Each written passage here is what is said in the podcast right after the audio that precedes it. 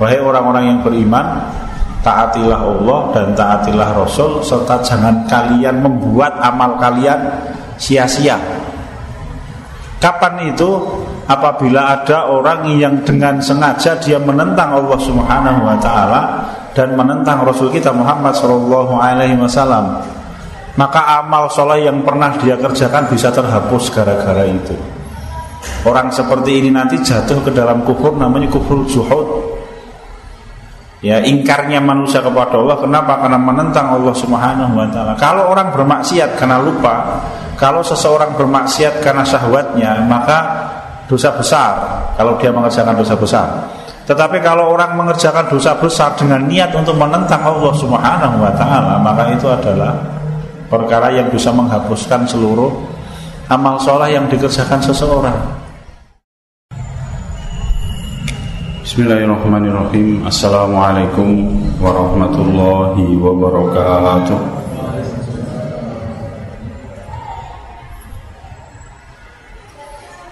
Alhamdulillahi rabbil alamin Innal hamdalillah wa nasta'inuhu wa nastaghfiruh wa na'udzu billahi min shururi anfusina wa min sayyiati a'malina may yahdihillahu fala mudilla lahu ومن يضلله فلا هادي له.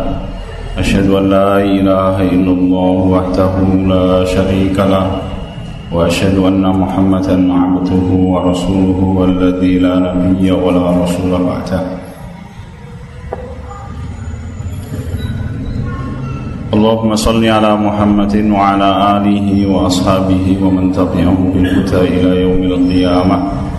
أعوذ بالله من الشيطان الرجيم.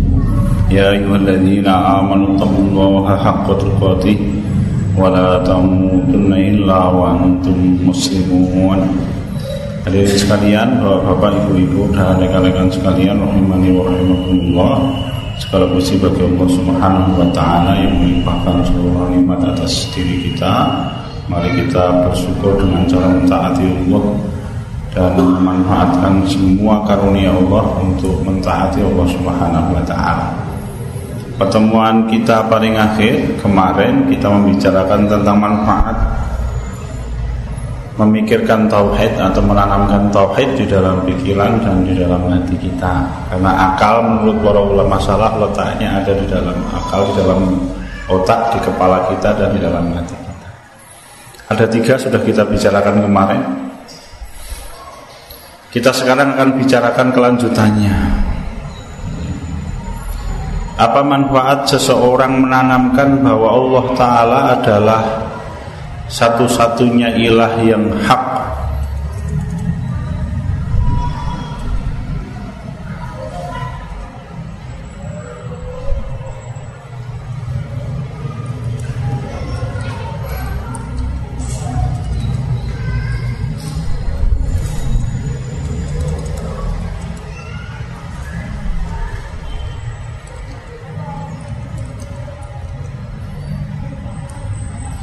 Hadirin sekalian Allah wa iyyakum. Di dalam kehidupan dunia ini ada dua macam ilah. Dua macam sesembahan kalau bahasa sederhana kita nggih, sesuatu yang diibadahi. Yang pertama adalah Allah Subhanahu wa taala dan Allah lah ilahul haq. Memang zat yang berhak untuk diibadahi satu-satunya, ditaati secara mutlak dicintai secara zat yaitu Allah Subhanahu wa taala saja. Sedangkan yang lain adalah kalau ada sesuatu yang dijadikan ilah diibadai maka dia adalah ilah yang batil. Ilah yang batil maknanya dia tidak berhak untuk diibadai tapi kemudian manusia memaksakan diri atau mungkin ilah tadi memaksa manusia untuk mengibadai dirinya. Bagaimana kemudian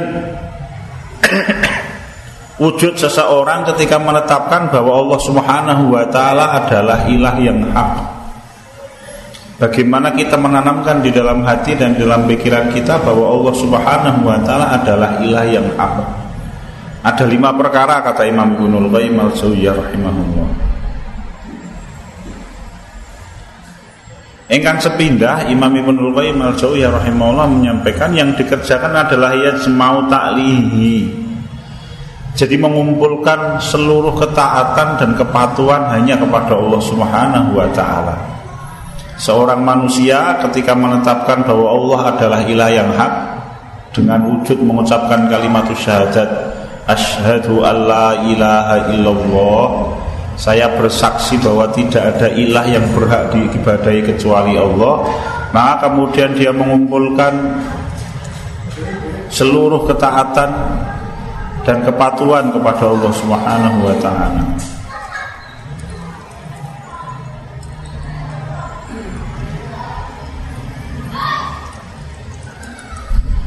Dan ketaatan kepada Allah punika ketaatan yang mutlak, ketaatan yang mutlak punika pun ketaatan yang tidak ada syarat. Ya, tidak disyaratkan. Kalau seorang manusia mentaati ibu dan bapaknya itu ada syarat. Syaratnya apa? Syaratnya selama ibu dan bapak tidak memerintahkan untuk bermaksiat kepada Allah Subhanahu wa taala. Boleh ditaati.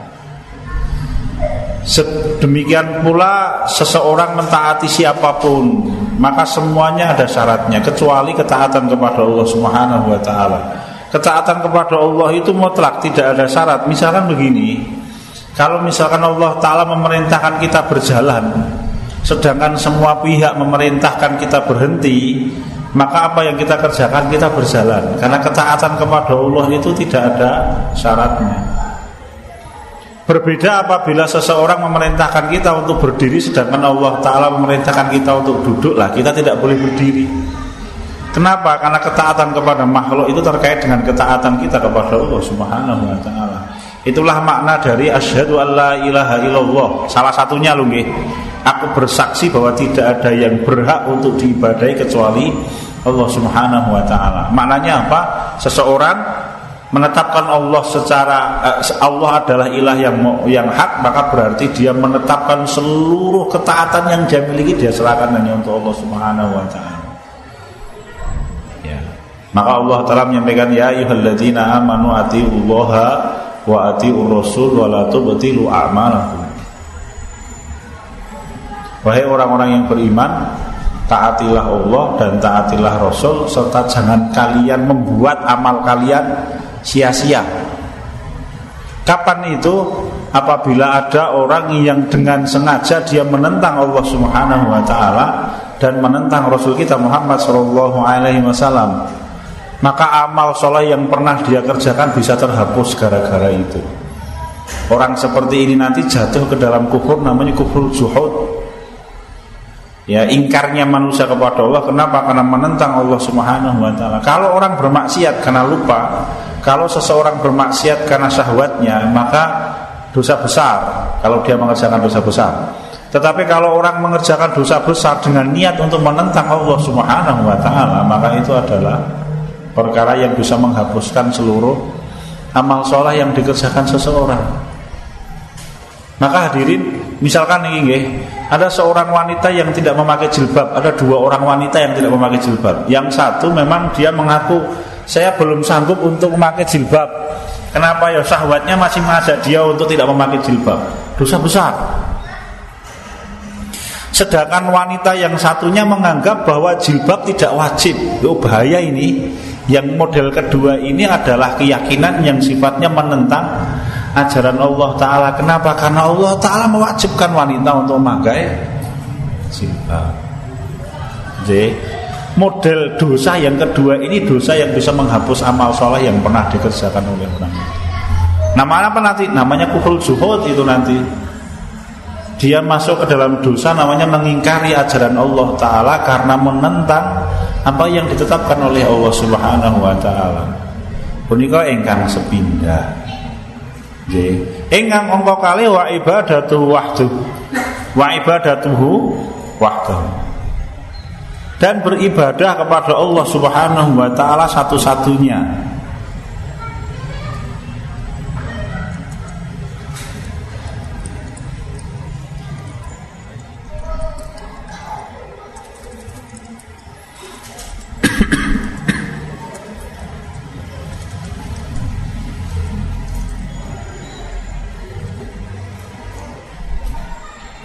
Seseorang yang menanamkan di dalam akal, di dalam akalnya dan di dalam hatinya bahwa Allah Subhanahu wa taala adalah ilah yang hak, maka kemudian wujudnya apa yang dia kerjakan dalam bentuk sikap dia beribadah kepada Allah satu-satunya.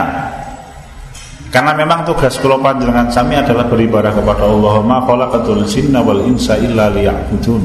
Dan tidaklah aku Allah menyampaikan menciptakan jin dan manusia kecuali untuk beribadah Wonten ing surat Al-Zariyat 56. Wonten ing surat Al-Bayyinah ayat kelima wa ma umiru illa liya'budullaha mukhlishina lahu Dan tidaklah manusia diperintahkan oleh Allah kecuali untuk beribadah kepada Allah.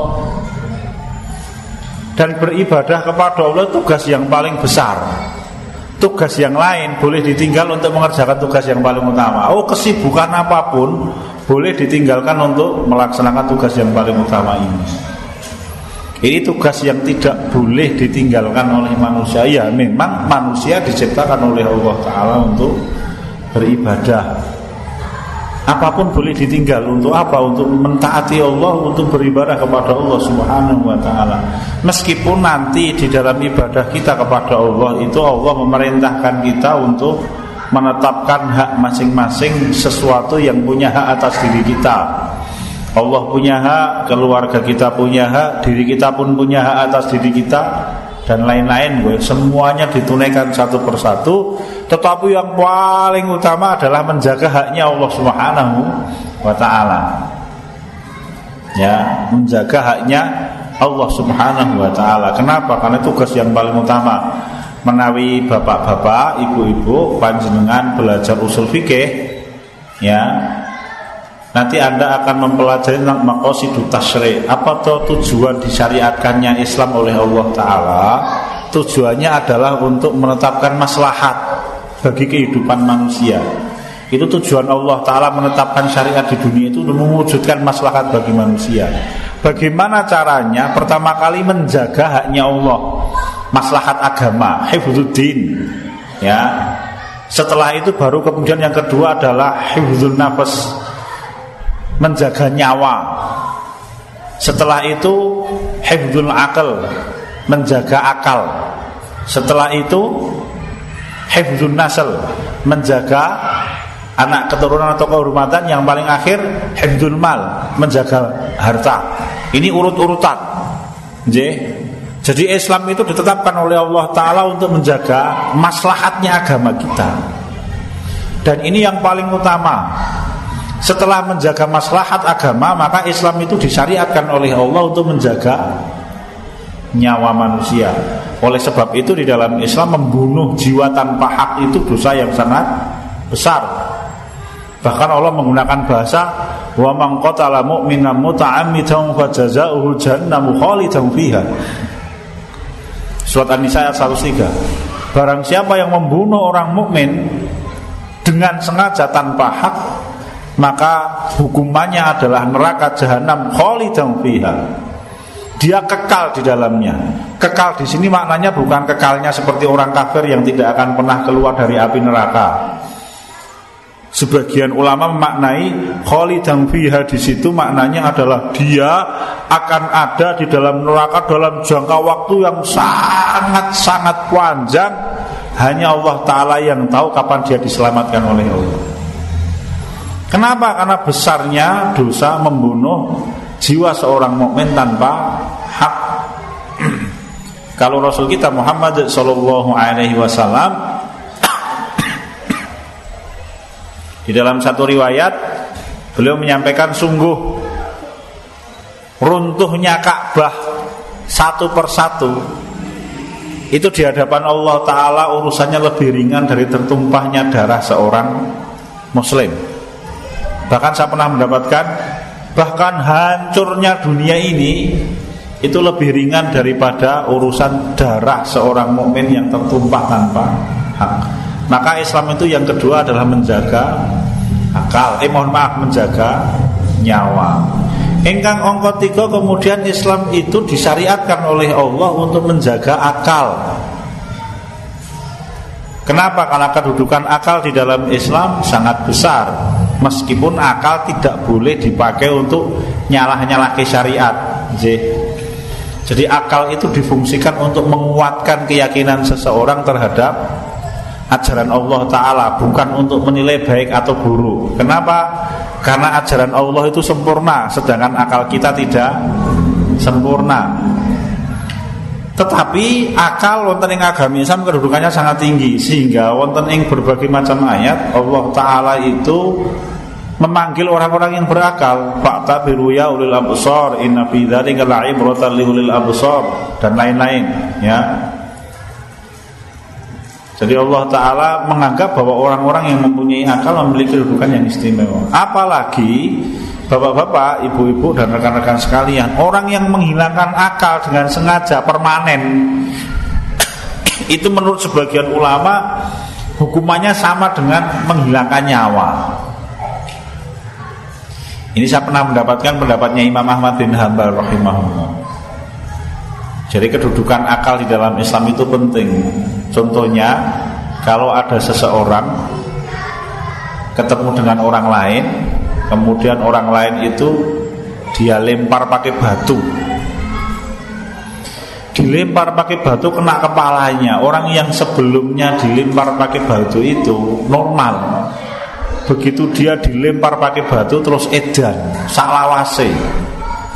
Kenapa? Karena otaknya rusak sehingga kemudian dia gila.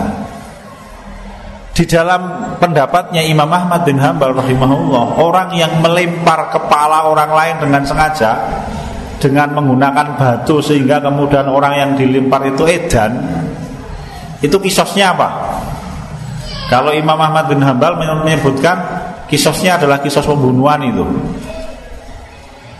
Jadi pelakunya dikisos dengan hukuman mati kenapa? Karena dia menghilangkan akal orang itu selamanya dan menghilangkan akal sama dengan mematikan seorang manusia.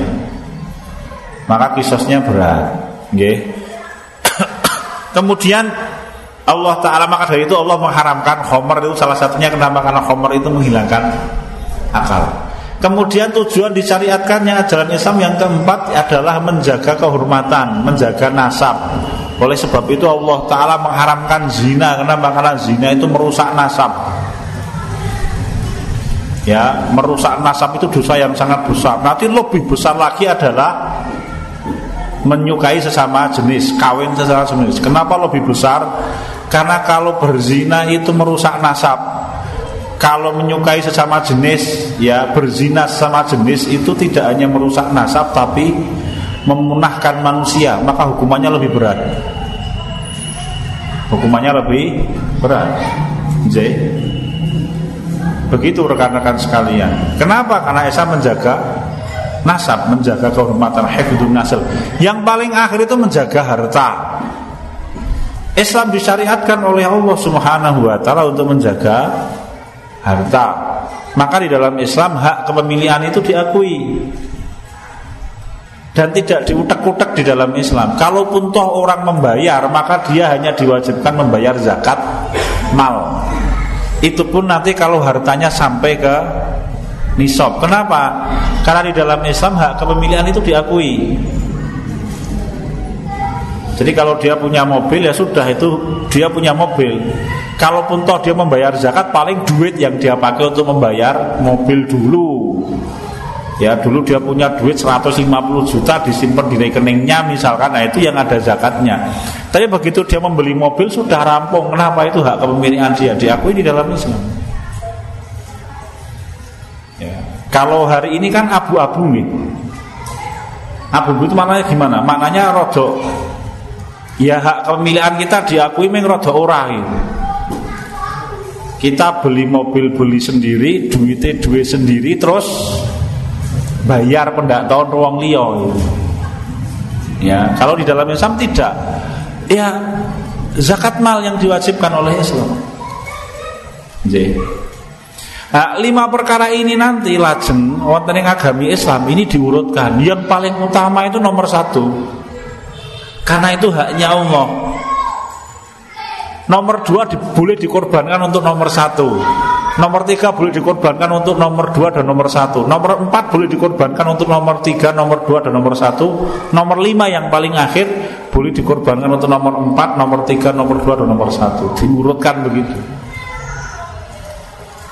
Kenapa nomor satu adalah menjaga din? Karena itu haknya Allah Subhanahu wa taala. Haknya Allah Subhanahu wa taala. J haknya Allah. Termasuk kalau nanti misalkan semoga tidak nggih. Kalau ada ditanya, "Mas, bondo apa nyowo?" Anda milih mana, Pak? Rada susah loh itu.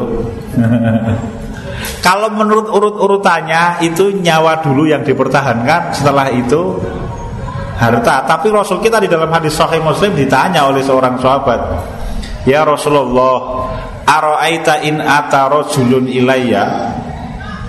Faya, ah, sebentar. Ya Rasulullah, bagaimana pendapat Anda kalau ada seorang laki-laki mendatangi saya, fa'arada ya'khudhu mali, ayya'khudha mali.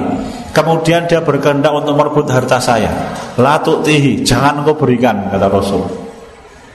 Lah, bagaimana pendapat Anda ya Rasulullah? Arwa'ita in qatalani. Ya Rasulullah, bagaimana kalau kemudian orang yang mau merampok harta saya itu kemudian kepingin membunuh saya? Apa kata Rasul? Maktulhu. Ya sudah, kalau begitu lawan dia. Lalu Rasul kita ditanya lagi oleh sahabat ini hadis Sahih Muslim ini. Ya Rasulullah, arwa'ita in qatalani. Ya Rasulullah, Bagaimana pendapat anda kalau misalkan dalam peristiwa itu aku mati Maka Rasul kita menjawab Anta fil jannah, aku masuk surga Ditanya lagi sahabat ini, bertanya lagi ya Rasulullah bagaimana pendapat anda kalau dalam peristiwa itu Perampok gelut sama saya, dia kalah, dia mati Dia di neraka kata Rasul kita Muhammad SAW ada hadis yang menyatakan kalau harta kita diambil oleh orang lain dengan paksa jangan berikan maka Rasul kita di dalam hadis yang lain menyampaikan man qatala duna malihi fahuwa syahidun. Barang siapa orang yang mati karena mempertahankan harta yang dia miliki yang halal, maka dia mati syahid ketika terbunuh. Zeh. Nah, ini nanti butuh pemahaman Islam yang mendalam untuk memahami. Yang ketiga, wujudnya adalah takut kepada Allah.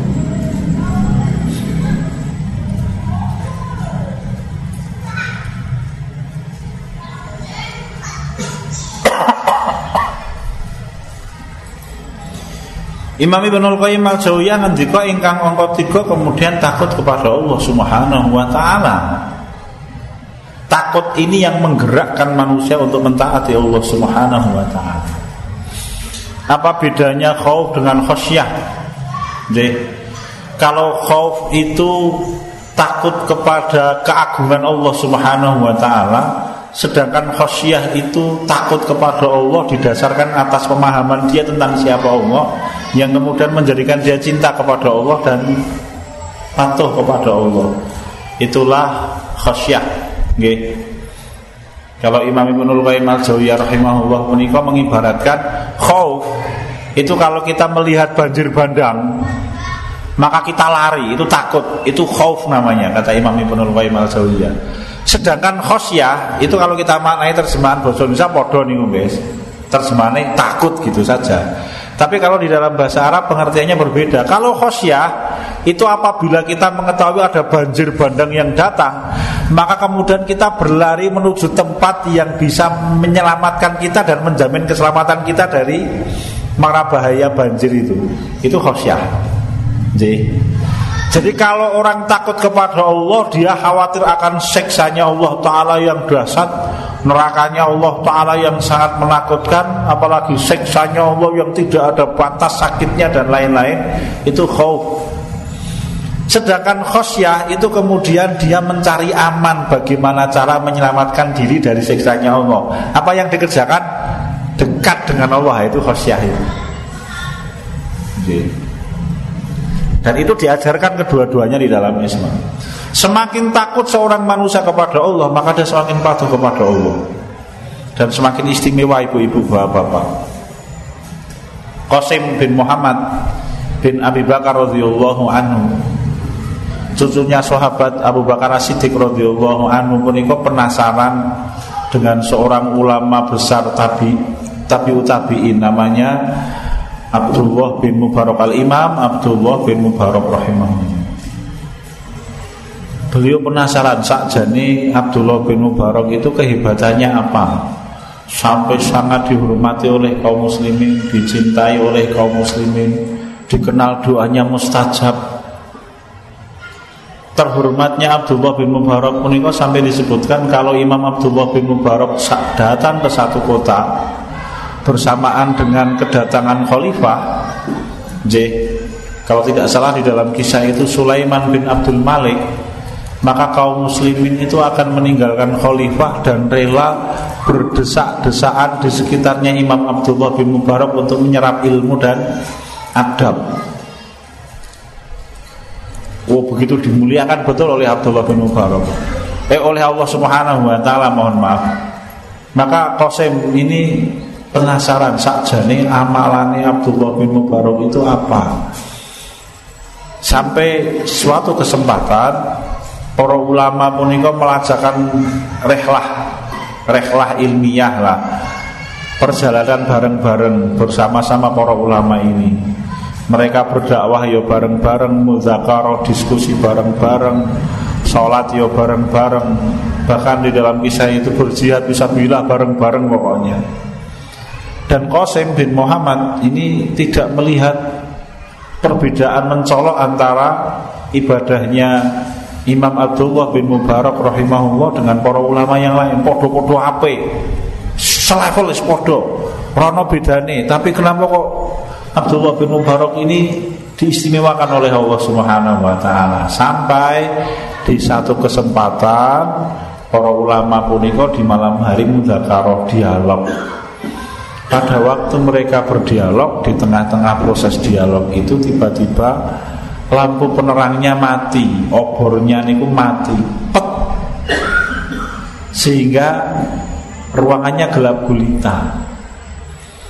Pada waktu keadaan gelap gulita itu apa yang dikerjakan oleh para ulama yang lain? Sibuk mencari api, mencari pelita, do golek geni. Yo yo golek geni, golek mungkin kalau bahasa kita. Ya, begitu dapat kemudian obor kembali dihidupkan Qasim itu melihat Abdullah bin Mubarak itu sudah menangis sendirian sampai jenggotnya basah. Ketika itulah Qasim kemudian memahami oh kelebihannya Abdullah bin Mubarak itu ini. Apa itu? Gelapnya malam itu kalau orang lain membuat dirinya sibuk untuk mencari api penerang Sedangkan Abdullah bin Mubarak gelapnya malam itu mengingatkan beliau akan gelapnya alam barzah sehingga beliau menangis. Ya. Itu rupanya yang membedakan Abdullah bin Mubarak dengan para ulama yang lain sehingga beliau diistimewakan betul oleh Allah Subhanahu wa taala.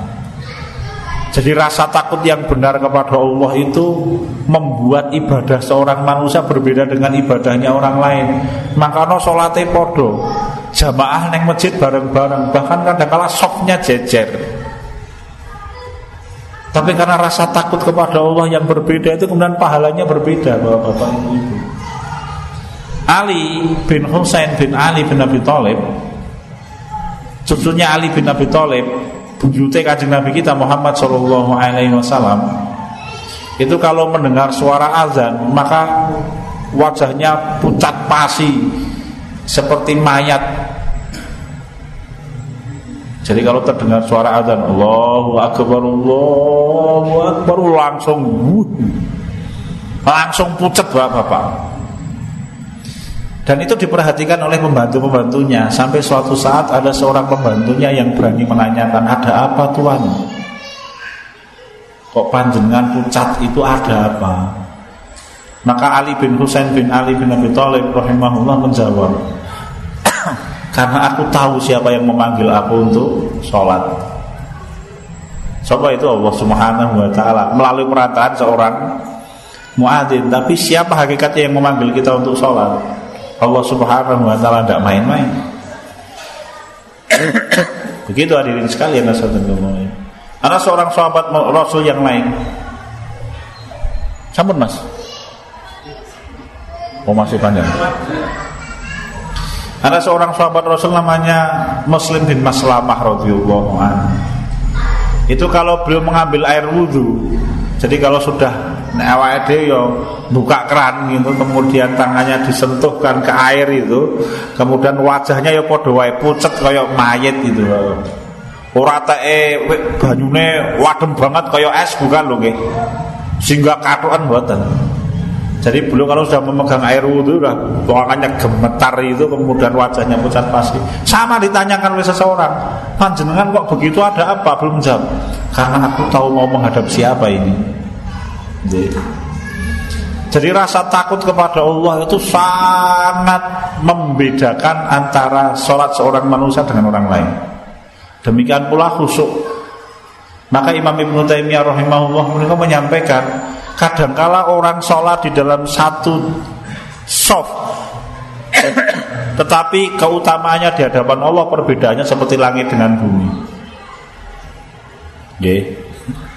Kalau para sahabat radhiyallahu anhum saya pernah menemukan ada seorang sahabat yang menyampaikan kami para sahabat itu kalau sudah berjajar di soft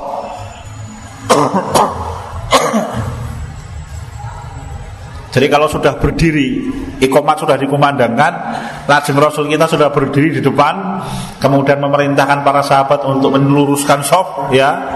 Apa yang dikatakan para sahabat, kalau kami sudah berdiri di soft, maka kami tidak ingat lagi siapa di samping kami. Nggih. Sedangkan kita itu kadang kala sholat Teman kita jarak tiga Drijine garuk-garuk isi ngerti kok. Wih kayak kukur-kukur kayak sini ngono kayak gitu. Awal di sholat loh bapak. Tapi para sahabat itu menyatakan Itu belum sholat loh Itu baru berdiri Di soft belum takbiratul ikhram Itu sudah tidak lagi sibuk Tidak lagi sempat mikirkan kiri kanan. Itu kata para sahabat kalau mereka sholat. Apa yang membedakan? Rasa takut kepada Allah Subhanahu wa taala? Nggih, Bapak. Ingkang angka sekawan ar-raja mengharapkan kepada Allah raja'u mengharap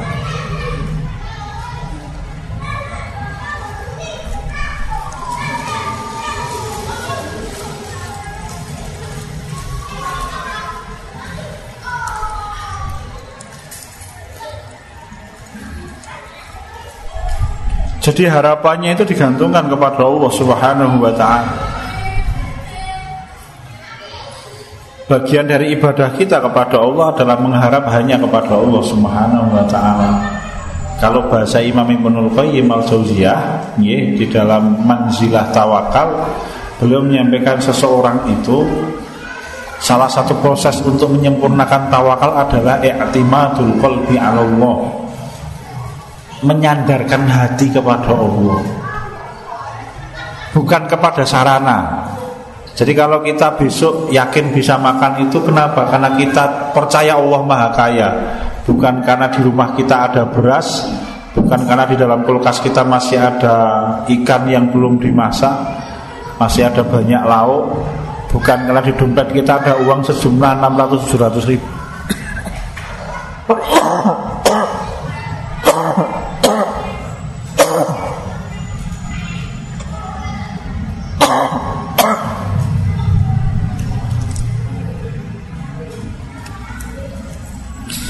bisa kita laksanakan gitu cekap kanton kali menit. Saya kembalikan dalam doa Alhamdulillah.